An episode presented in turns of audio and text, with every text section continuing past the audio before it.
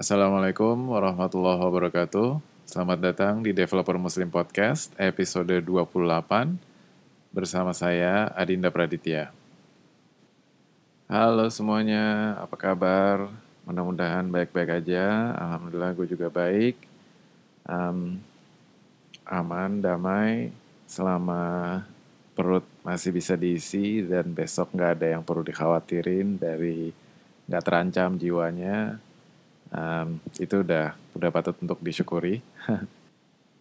Sedikit kabar dari gue mikrofon yang baru itu belum sempat gue pakai karena gue belum beli splitternya. Masih bingung sih karena mendingan beli splitter baru atau beli mic yang lebih bagus lagi atau beli USB yang ada sound cardnya biar mikrofonnya bisa dipakai dan ada beberapa port USB lainnya. Jadi gue belum sempet untuk mutusin gimana sebaiknya. Kalau lo ngerti sound system atau punya saran gimana sebaiknya, uh, email gue atau uh, mention gue di Twitter at devmuslimid. Terus kabar selanjutnya gue udah booking 90 menit sesi sama Apple Genius di Apple Store di Orchard. Mudah-mudahan bisa apa keahlian gue di GarageBand bisa meningkat gitu. Jadi lebih efisien bikin episodenya biar bisa lebih cepat dan supaya uh, keberlangsungan podcast ini bisa tetap ada walaupun um, kesibukan gue meningkat gitu. Oke, langsung aja ke inti episode kali ini. Gue masih ngebahas tentang seputar conference, terutama di Ruby Conference Jakarta awal Oktober 2017 lalu. Sebelumnya gue minta maaf kalau lo bosen dengan topik conference ini karena gue masih menganggap bahwa keberadaan conference ini cukup penting karena conference kemarin itu adalah conference bahasa pemrograman yang pertama di Indonesia.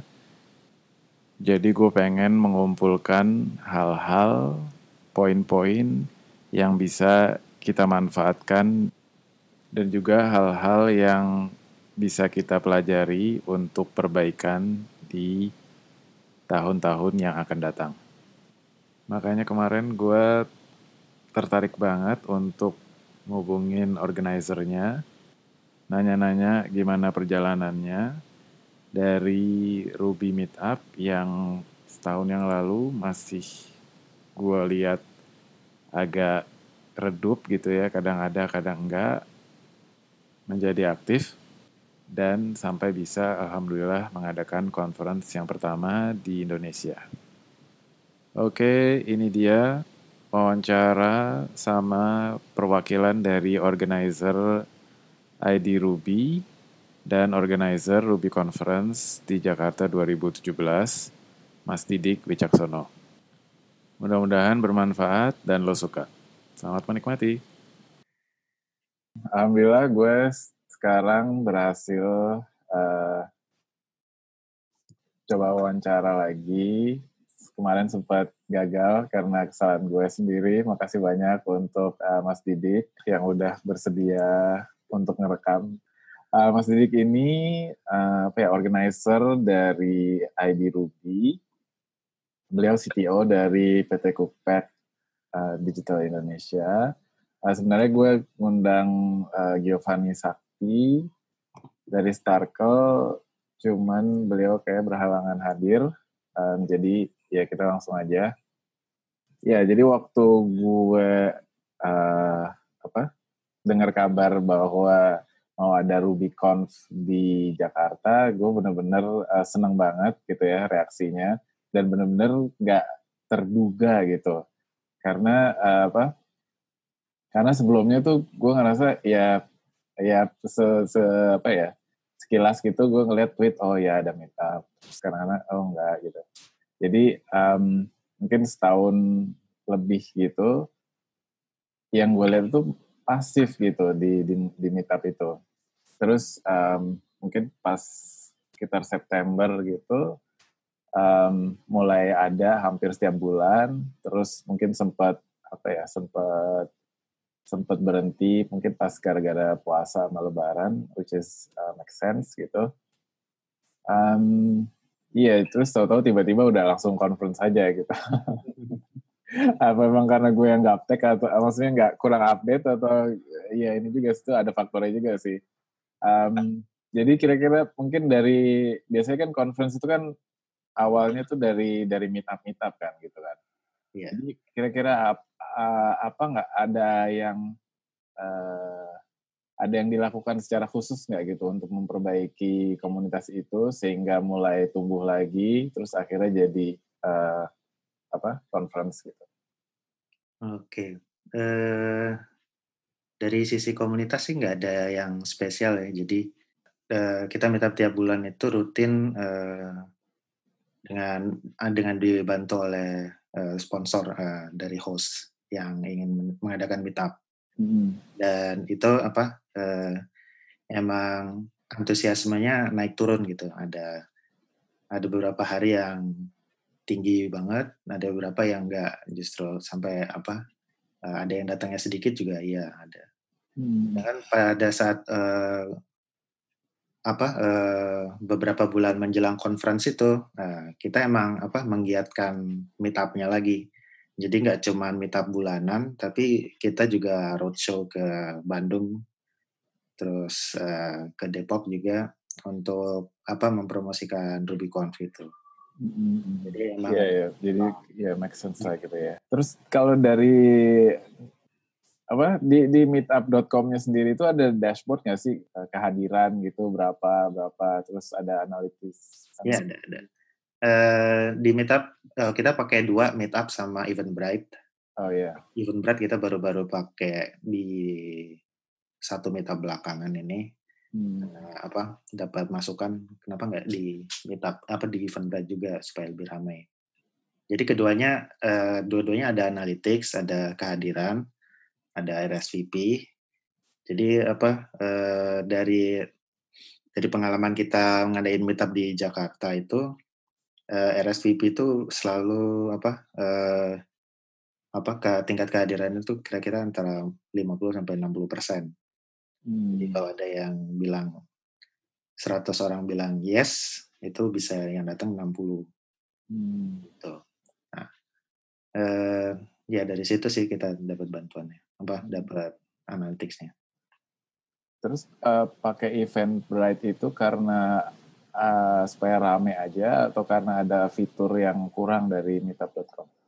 Uh, supaya rame aja untuk nambah ininya karena audiensnya beda-beda yang meetup sama event bright ini.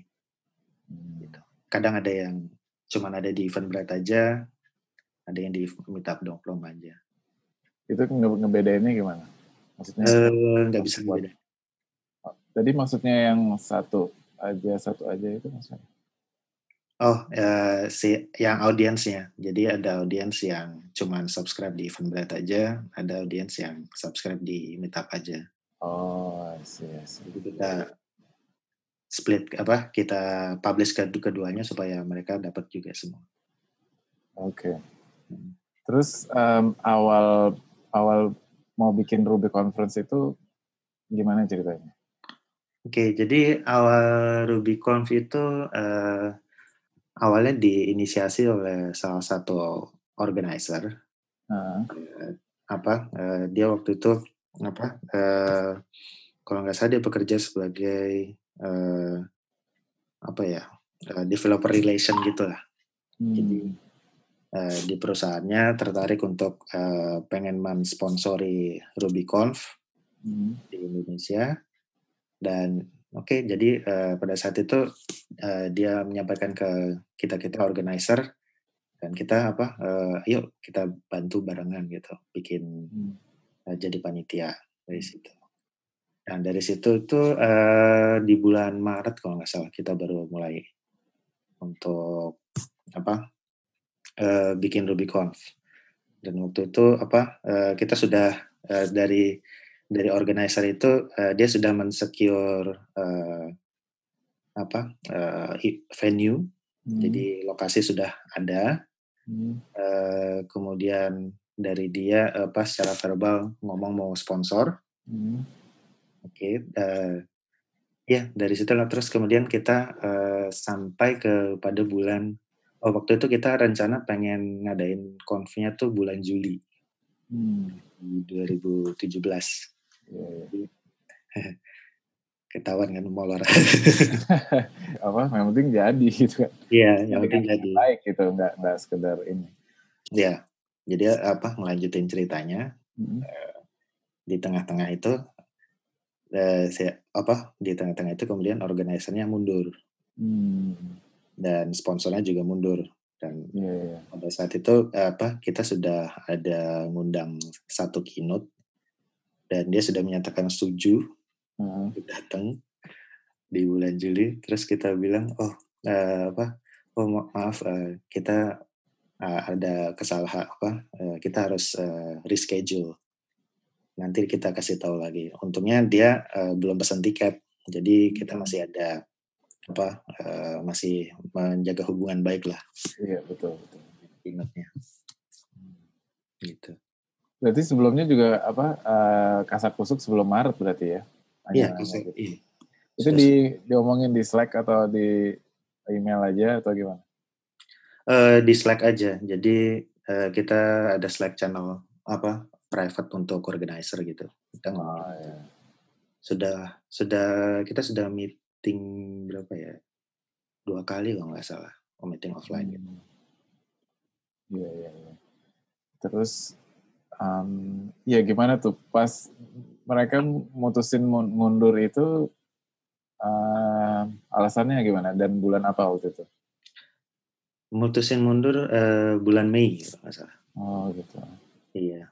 Uh, alasannya tidak diketahui. oh tidak diketahui. Oke. okay. Jadi yeah. ini terpaksa mundur uh, gitu ya. Terus terus gimana dari dari panitia sendiri gimana? Um, Oke, okay, dari panitia sendiri waktu itu apa? Uh, waktu itu berapa orang sih panitianya? Oh, uh, minus, minus organizernya? Ada Taufik, uh, gua, sama Vicky, sama Gio, empat lah. Oh, sama uh, Gozali. Kalau ya, oh Gozali berarti lima. Ya, nah, ada, ada lima orang panitia. Terus kemudian uh, apa? apa uh, berhubung venue-nya sudah uh, venue-nya nggak ada, jadi kita balik lagi dari nol gitu. Oke kita harus cari venue, cari sponsor juga. Waktu itu kita apa mulai mencari masing-masing uh, ke kontak masing-masing sponsor siapa yang mau gitu. Hmm. Tapi itu waktu itu belum belum belum padam ya, belum masih masih pengen lanjutin. Iya.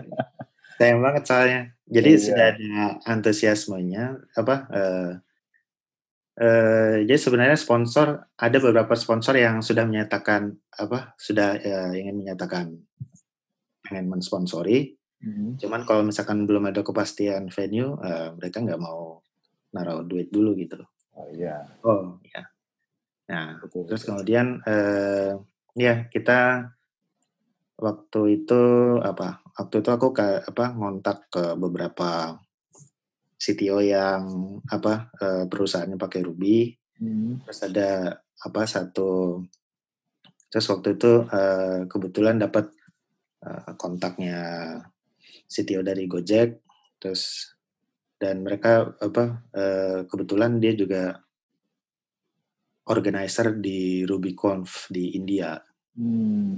Nah, dari situ kita dapat banyak inilah istilahnya, dapat banyak insight dari yeah, dia. Yeah, yeah. Dia sudah ngadain RubyConf 6 tahun atau 7 tahun gitu. Yeah, yeah, yeah. Nah, lumayan. Terus dari situ uh, kita dapat satu hal yang ini yang menent sangat menentukan terjadi apa sangat menentukan konferensi itu ada atau enggak yaitu bikin asosiasi bikin perkumpulan. Hmm. tanpa itu sponsor nggak mau nerima duit. Apa nggak mau ngasih duit. Iya benar-benar profit ya. jadi uh, nama asosiasinya apa? Uh, nama asosiasinya Perkodi singkatan dari pengrajin kode Indonesia. Iya terus berarti karena udah ada itu ya, jadi nggak sekedar apa ya, nggak sekedar apa bergantung sama organizer yang pertama, jadi masih ada benar-benar yang pendukung, ya ibaratnya mungkin bisa jadi uh, 60% lah gitu gitu ya. Hmm. Ya masih masih dilihat ada kemungkinan untuk uh, apa kesampaian gitu untuk untuk jadi conference. Iya. Yeah. Terus ya tadi pertanyaan selanjutnya kan eh, apa yang bikin tetap semangat pasti kan ada lah antusiasnya ya terus juga sama dukungan tadi. Terus um, kalau nggak salah sempat akhirnya memutuskan untuk untuk nggak jadi gitu. Iya. Jadi setelah apa uh, setelah sponsor yang mundur itu kita sempat uh, oh ya udah apa nggak uh, jadi ya. kalau misalkan kita di sampai di bulan apa itu uh, kalau misalkan sampai di bulan Juli nggak ada nggak ada progres ya nggak ada progres dapat sponsor atau venue dan sebagainya ya ya udah kita nggak usah apa uh, kita tunda dulu dah untuk tahun depan gitu hmm. Jadi, sampai kita benar-benar matang hmm. Hmm. pernah terbesit nggak dalam hati kalau misalnya ditunda tahun depan mungkin ditunda selamanya gitu ya ya bisa ya bisa juga apa hmm. besar kemungkinan karena kan uh, organizer yang saat ini apa bisa dibilang uh, masih ada free time mungkin tahun depan mereka sudah misalnya apa sudah nggak free lagi atau mungkin apa uh, bergabung di perusahaan lain yang misalnya yeah. waktunya sudah susah gitu jadi yeah. ya ini benar-benar langka sih gitu hmm momennya saat ini. Gitu. Iya, terus um, pernah ada ini nggak apa namanya? Kan di di Singapura udah ada gitu. Kenapa kenapa perlu bikin lagi di Indonesia gitu misalnya? Oh, jadi triggernya justru dari RubyConf Malaysia gitu. Oh gitu ya. karena Malaysia Malaysia aja bikin dan dan mereka kan justru lebih dekat lagi dari Singapura kan. Oh. Saya aja bikin ke Indonesia apa jadi jadi terpacu gitu. Jadi wah kita juga mesti bikin nih. Nah, karena di Indonesia juga ternyata apa eh, setelah kita kan kita kumpulin list pengguna Ruby di halaman website apa eh, ID Ruby hmm. dan Ruby.id penggunanya banyak gitu pengguna Ruby. Nggak cuman nggak cuman perusahaan-perusahaan yang startup besar atau yang sudah selevel unicorn gitu. Jadi ya masih banyak gitu. Apa uh, emang banyak. Hmm. Terus juga apa Manila ya, Manila beberapa tahun yang lalu. Mereka akhirnya uh, mulai rutin nggak sih? Apa sekali itu doang? Uh, mulai rutin kayaknya. Iya iya. Ya jadi jadi terdongkrak gitu ya. Jadi Iya, ya, dengan adanya asosiasi. Bentuknya, perkumpulan sih namanya. Nah, oh. iya, iya. Kita juga apa? Uh, oh ya, uh, kita juga kenapa kita ngadain uh, RubyConf ini juga salah satu apa faktornya adalah waktu itu ada konferensi juga serupa ya, yang diinisiasi sama uh, komunitas juga uh, namanya Geekcamp. Oh, Geekcamp. Nah, tahun lalu. Tahun ini dan tahun lalu. Oh. Eh, tahun ini dan tahun 2015. Jadi 2015 sempat vakum.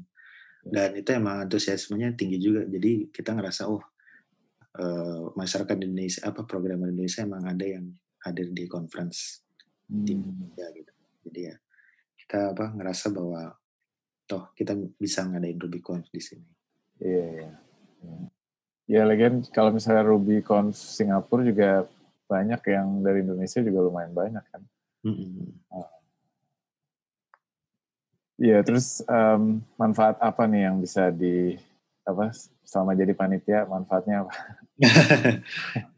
selama jadi panitia, wah banyak sih. Jadi ya pertama bisa apa?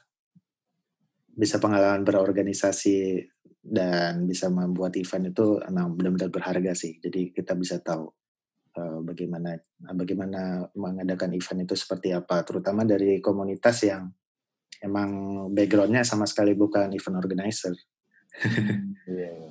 Dan ya itu pas uh, ngadain apa RubyConf-nya. Jadi ketika kita apa mengadakan RubyConf itu juga apa uh, secara langsung kita berhubungan dengan banyak pihak termasuk dari sponsor atau dari vendor. Jadi kita bisa dapat banyak network dah. Hmm. Dan itu kerasa banget di apa panitianya. Jadi panitianya bisa kenal dengan banyak orang dari berbagai vendor dan sponsor gitu. Jadi itu sendiri udah nilai plus banget buat panitia. Jadi kan di CV-nya bisa ditaruh. Yo, iya.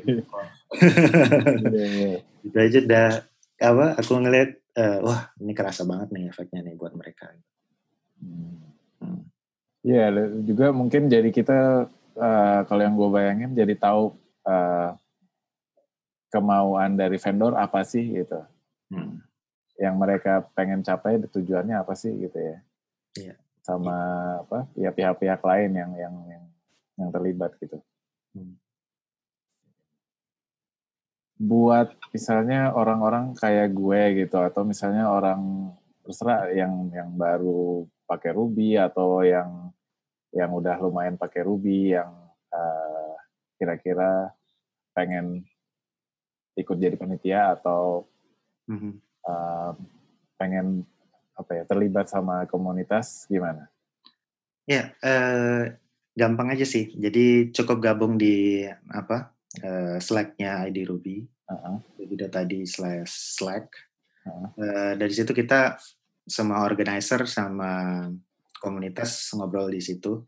Ada juga di Telegram sama ya ada juga kita komunitasnya di Telegram. Cuman uh, lebih banyak ngobrolin teknisnya di Slack sih. Hmm. Jadi kalau misalkan ada yang kesulitan tentang bahasa pemrograman Ruby atau uh, pakai framework Rails itu bisa hmm. ngobrol di situ. Dan juga uh, kita apa ngobrolin meetup uh, up kapan mau ngadain meetup juga di situ. Hmm. Uh, milis jadi udah bubar kan? Iya, milis sudah, sudah. Uh, kayak kuburan. Iya, iya. Ya itu bukan karena kita yang ninggalin, tapi emang orang-orang nggak ada di situ kan? Iya, sudah nggak ada kayaknya di situ. Hmm. Ya maksudnya bukan kayak ibarat kayak kita milih Facebook, kita cuma ada di Facebook gitu kan.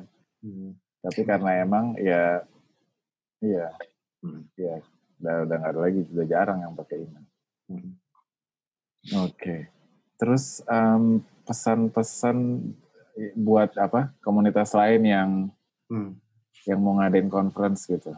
Oke. Okay. Kalau apa ya kalau ngadain conference uh, kita sebisa mungkin bisa prepare jauh-jauh dari hari hanya itu idealnya satu tahun sebelumnya. Hmm.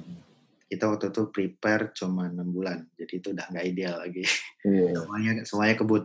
Uh, dan kalau misalkan sudah sudah punya apa uh, plan, misalnya tempatnya sudah oke, okay, terus tanggalnya sudah pas, sebisa mungkin langsung dipublish di web. Jadi kita semua sudah langsung punya ada goal gitu, langsung oh ini kita harus ngadain tanggal segini jadi kita harus tahu harus mesti ngapain aja di enam bulan atau tiga bulan sebelum yeah.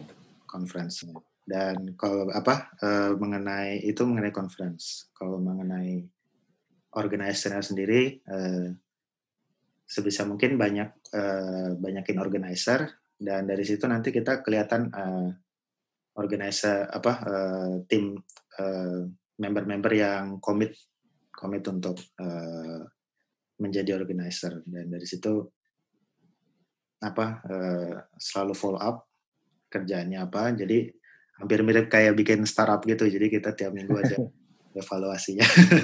Oh. kita harus kita harus apa gitu terus dari yeah. situ iya. follow up kayak gitu-gitu ya harus ya. dipegang orangnya ya mesti dipegang mesti dipegang terus dan di follow up terus hmm. iya hmm. terus um, kalau lo yang yang lo lihat sendiri kira-kira um, bakalan ada susulan conference lagi nggak untuk dari komunitas lain misalnya JavaScript gitu?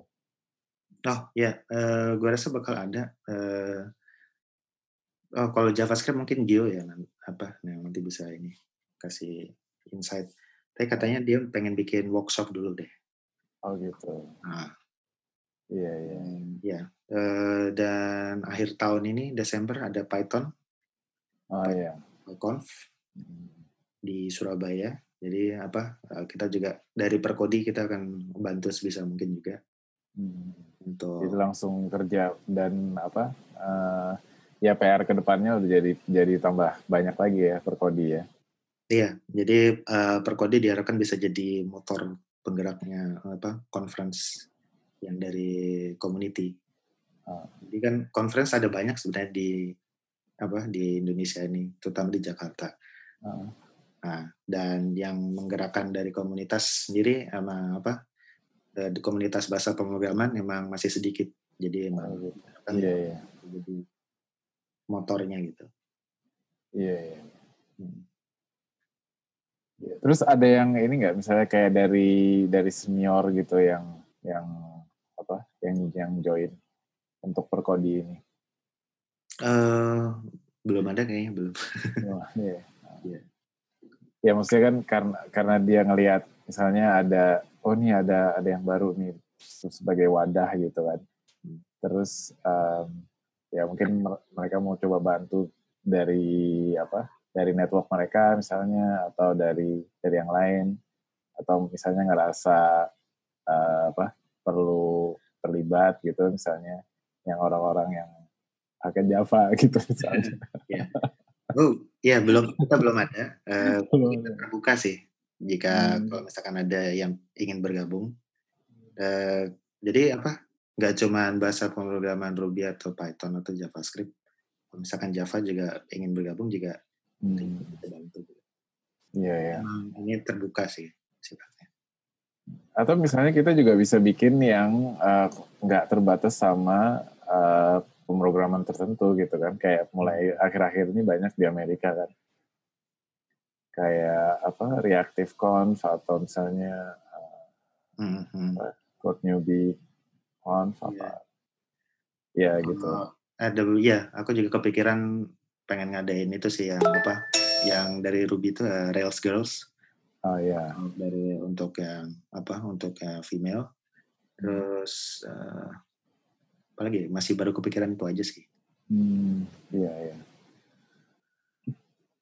Terus kemarin kan gue sempat lihat tweetnya si Gio, mm-hmm. um, karena dia pakai panduan yang dari Winston Theo yang apa organizer RubyConf oh, iya, Singapura. Nah, um, itu itu uh, akan jadi apa dimodifikasi dan kayak disesuaikan gitu dengan konteks lokal gitu nggak buat buat komunitas yang lain? Oh iya ya, nah iya ide bagus sih. ya kayak yeah, kita yeah. bikin itu untuk yang lokal. Jadi terutama apa uh, ya skalanya juga beda kan. Jadi kita bisa uh, ya ada banyak tips-tipsnya lah yang bisa kita tarik. Hmm. Iya. Ya kadang-kadang kan um, apa budaya sama mungkin fasilitas atau yang lain di di Indonesia kan juga beda gitu. Hmm, betul. Jadi dan Singapura kan cuman apa dekat ke mana-mana dekat gitu Jadi kan Wah, namanya, bisa diharapkan. ketemuan aja susah banget.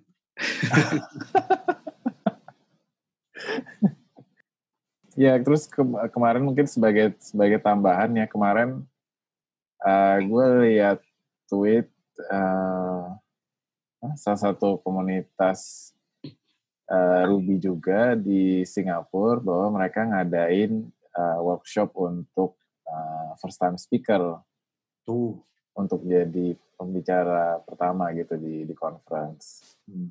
Um, um, ya terus akhirnya gue datang terus uh, ya bagus sih jadi yang uh, jadi formatnya itu awalnya panel dari orang-orang lokal yang uh, ngomong di uh, pertama kali di RubyConf, di JavaScript. Uh, ya dua itu aja sih, cuman uh, apa? Ya cerita pengalaman mereka gimana gitu akhirnya. Hmm. Terus ya itu bagus sih. Um, jadi kalau misalnya itu gue ngelihat jadi uh, di Singapura juga udah mulai apa ya benar-benar mempersiapkan diri untuk me, apa untuk mencetak kayak speaker-speaker gitu. Iya, regenerasi. Iya. Hmm. Jadi um, nanti mungkin gue coba kasih linknya. Kan yeah. di Singapura tuh kan uh, semua meetup ya, sebagian besar meetup di Singapura kan direkam ya. Hmm. Di Engineers SB. Jadi mungkin nanti coba bisa cari di sana atau nanti gue kasih linknya. Um, ya itu terus habis itu uh, sampai sesi keduanya uh, gimana gimana nulis CFP gitu. Hmm. Wah, um, penting. Ya. Kemarin sih alhamdulillahnya eh, nggak uh, banyak yang datang. Nggak tahu hmm. karena emang uh, apa ngasih mendadak gitu apa emang karena topiknya nggak menarik gitu. Um, pas pas apa setelah makan terus sesi kedua, kedua um, suruh bikin CSV-nya sebagian orang udah keluar kayak misalnya ada lima orang enam orang gitu keluar udah. Nggak tahu mungkin mau makannya doang kali apa mau networkingnya doang. Um, ya cuman maksudnya nggak masalah ya mereka nggak nggak nggak negor atau nggak apa malah mempersilahkan gitu kalau misalnya emang lo perlu hmm. pulang duluan gitu cuman ya intinya sih menarik gitu intinya benar-benar uh, merangkul uh, semua orang yang minat pengen jadi uh, pembicara pertama gitu Hmm, hmm. Terus uh, apa? Ya setelah acara itu terus mereka ngirim email, kasih apa? Ya rangkuman, catatan dari mereka sendiri, terus habis itu minta feedback. Jadi nggak hmm. sekedar ngasih feedback doang, tapi juga ngasih rangkuman sama link-link hmm. yang bisa lo lihat gitu. Iya, iya. Terus ya habis itu gue tanya ininya apa? Uh, motivasi lo apa sih bikin gini gitu? Karena nggak nggak jarang banget gitu kan hmm. bikin maksudnya jauh jauh ke depan gitu karena memang pengen pengen bikin uh, speaker speaker baru gitu hmm. ya bagus juga sih nanti kalau misalnya ada ini ada ya, insight-insight ya. mungkin nanti ya kita bisa share gitu iya itu bagus banget sih terutama hmm. kita di sini emang masih nggak banyak yang menjadi speaker iya iya dan intinya sih mungkin mengkomunikasikan uh, kalau yang gue dapat dari Mufid kemarin itu ya mengkomunikasikan bahwa uh, kita sebagai penyelenggara, organizer ataupun sebagai komunitas mm-hmm. itu tuh uh, welcome banget gitu dengan uh, bicara pertama gitu kan. Jadi uh, sebenarnya nggak ada yang perlu lo takutin gitu ibaratnya. Kalau kita merasa welcome dan kayak ibaratnya yang lo ngomong sama temen bareng teman ngumpul gitu ya udah lo nggak ada yang lo takutin kan ya udah lo share aja gitu. Iya. Um, jadi mungkin kan. bisa apa ya meningkatkan dan menumbuhkan uh, apa kepercayaan diri orang sih. Dan kebanyakan di Rubicon kemarin itu terutama yang dari Indonesia itu adalah kesempatan ber, apa berbicara mereka yang pertama kali di conference. Hmm, sebagian besar ya. Sebagian besar. Hmm. Iya, iya. iya. Iya bagus. iya iya iya. Tapi dari dari dari pembicara Indonesia itu mm-hmm. um, berapa orang yang yang sering share di di grup?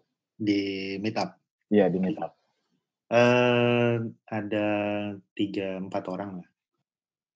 Ya bagus bagus banget. Ya gue benar-benar apa uh, senang banget gitu uh, untuk sebuah conference yang pertama yang apa namanya sederhana tapi uh, materinya bagus-bagus. Um, ya itu.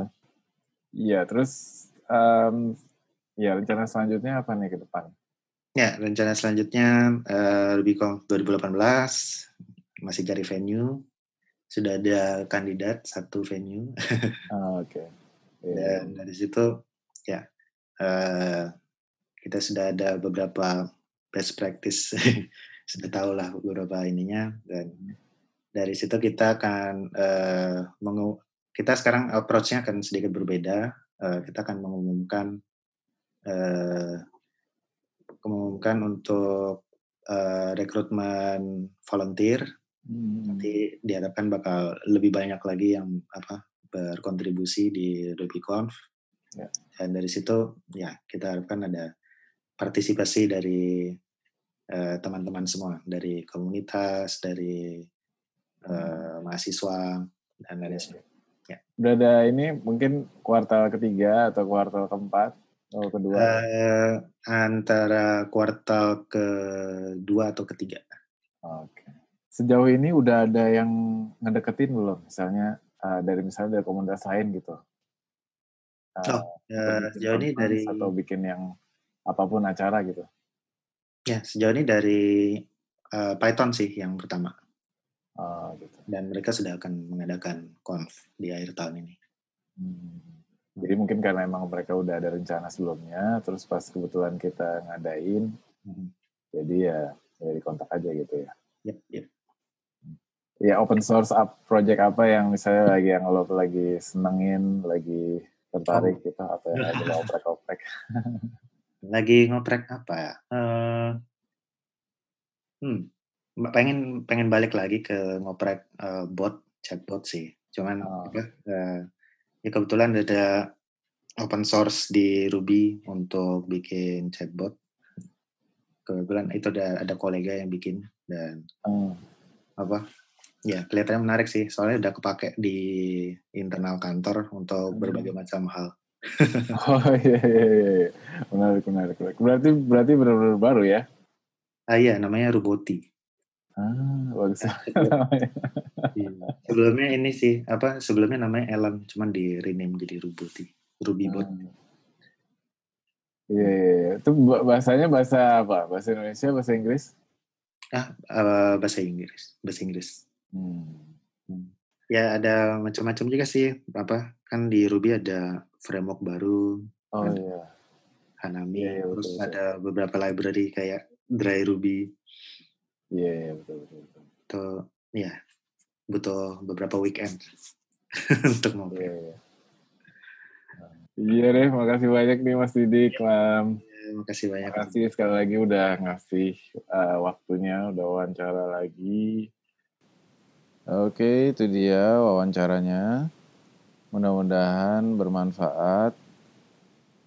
Kalau lo suka sama podcast ini, harap ke iTunes, ke Stitcher, atau ke TuneIn, atau ke player.fm, di mana pun lo dengerin podcast ini, tolong kasih rating yang bagus, kasih komentar, kasih testimoni yang bagus, supaya orang lain, developer lain bisa uh, nemuin podcast ini dan bisa mulai dengerin.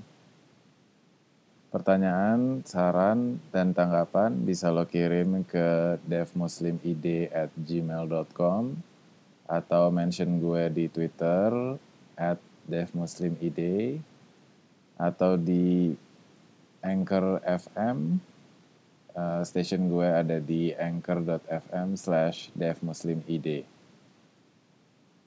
Link-link dan catatan-catatan dari episode ini bisa lo dapetin di devmuslim.id slash episode 28. Lo juga bisa kasih komentar di sana kalau misalnya ada link-link atau catatan-catatan yang gua kelewat gitu. Jadi lo bisa kasih komentar juga di sana. Terus pekan depan insya Allah gue mau liburan. Jadi nggak ada episode untuk pekan depan. Episode berikutnya insya Allah akan rilis tanggal 25 atau 26 November. Oke, makasih banyak udah dengerin. Sampai episode Developer Muslim berikutnya, insya Allah. Assalamualaikum warahmatullahi wabarakatuh.